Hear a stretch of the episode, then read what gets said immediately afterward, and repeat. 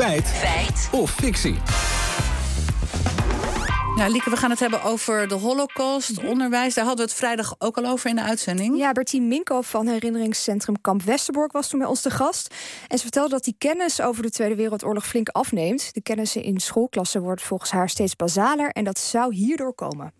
Je moet je voorstellen dat op middelbare school uh, in een hele schoolcarrière, als je geschiedenis kiest, er 3,5 uur besteed wordt aan de jodenvervolging. Ja, zij zei dit. Toen keken wij elkaar aan. Ja. Want ze zei 3,5 uur. Ja, het, het, voelde alsof ik dat veel meer uren Ja. heb gehad. Ja. Dus we zijn er maar eens ingedoken. Het Landelijk Expertisecentrum voor het Curriculum, het SLO is dat, stelt doelen vast waar het onderwijs aan moet voldoen. Scholen zijn verplicht om aandacht aan de holocaust te besteden, vertelt Johan van Driel van het SLO. Als het gaat over de onderbouw van het voortgezet onderwijs, ligt de focus heel erg op de Duitse bezetting van Nederland en de daarbij behorende Jodenvervolging. In de bovenbouw van het voortgezet onderwijs komen daar een aantal zaken bij. Het gaat dan om bijvoorbeeld het verloop van de Tweede Wereldoorlog, hoe de oorlog is ontstaan en de massavernietiging die het gevolg was van deze oorlog. Als je het goed wil doen, ben je per onderdeel wel een aantal lessen kwijt. Of dat ook gebeurd is dus aan de school zelf, want die mag zelf bepalen hoeveel tijd er naartoe gaat. Nou, Bertien Minko maakt zich ook zorgen om de alsmaar afnemende kennis over de holocaust. Ja, klopt. En volgens Mark van, Bra van Berkel, bijzonder hoogleraar op het gebied van holocaust-educatie, is les blijven geven over dit onderwerp heel belangrijk om meerdere redenen.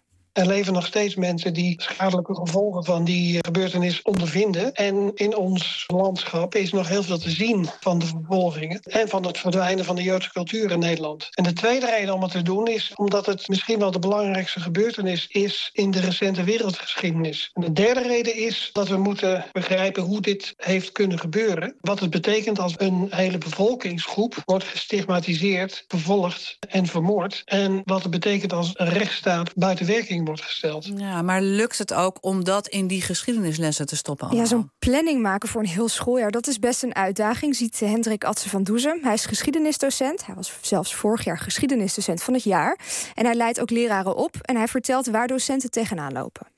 Er zijn weinig uren en er zijn veel onderwerpen te behandelen. En ook wat de samenleving vraagt van een school is ook nogal wat. Je moet overal aandacht aan besteden. En ook bij alle andere onderwerpen die belangrijk zijn, moeten er ook genoeg uren voor staan. Want een kind moet ook uiteindelijk in staat zijn om zijn eindexamen te halen. Daar zit wel de moeilijkheid. Ja, je moet dus veel informatie verpakken in relatief weinig tijd. Maar dat kan je wel efficiënt aanpakken. Eén uur goed een gastles met iemand die zelf in Westerbork heeft gezeten. Of mensen die kinderen zijn van slachtoffers. Maken meer indruk dan 3,5 uur les over dat onderwerp. En ik denk dat heel veel docenten geschiedenis in Nederland, bijna alle, hun best doen om dat heel goed in te richten. Het is niet alleen een kwestie van uren, maar vooral de impact van zo'n les. Oké, maar goed, toch over uren gesproken. Drieënhalf uur, hoe zit het dan daarmee? Ja, het was best lastig om uit te zoeken, want elke school bepaalt dus zelf hoeveel tijd ze erin steken. Maar Van Berkel durfde wel een uitspraak over te doen.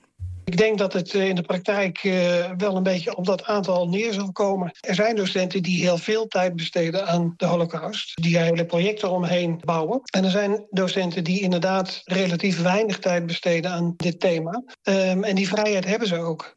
Gaan we naar de conclusie. Ja, dat er genoeg aandacht voor de holocaust moet zijn... ja, dat staat natuurlijk als een paal boven water. En we hoorden het van Berkel al zeggen... die 3,5 uur die komt aardig in de buurt. Het verschilt dus wel per school. Toch gaat het volgens hem niet alleen om het aantal uren. Je steekt bijvoorbeeld ook een hoop op van gastlessen... of een bezoek aan een oorlogsmonument. Dus de uitspraak van Minko rekenen we toe als een feit.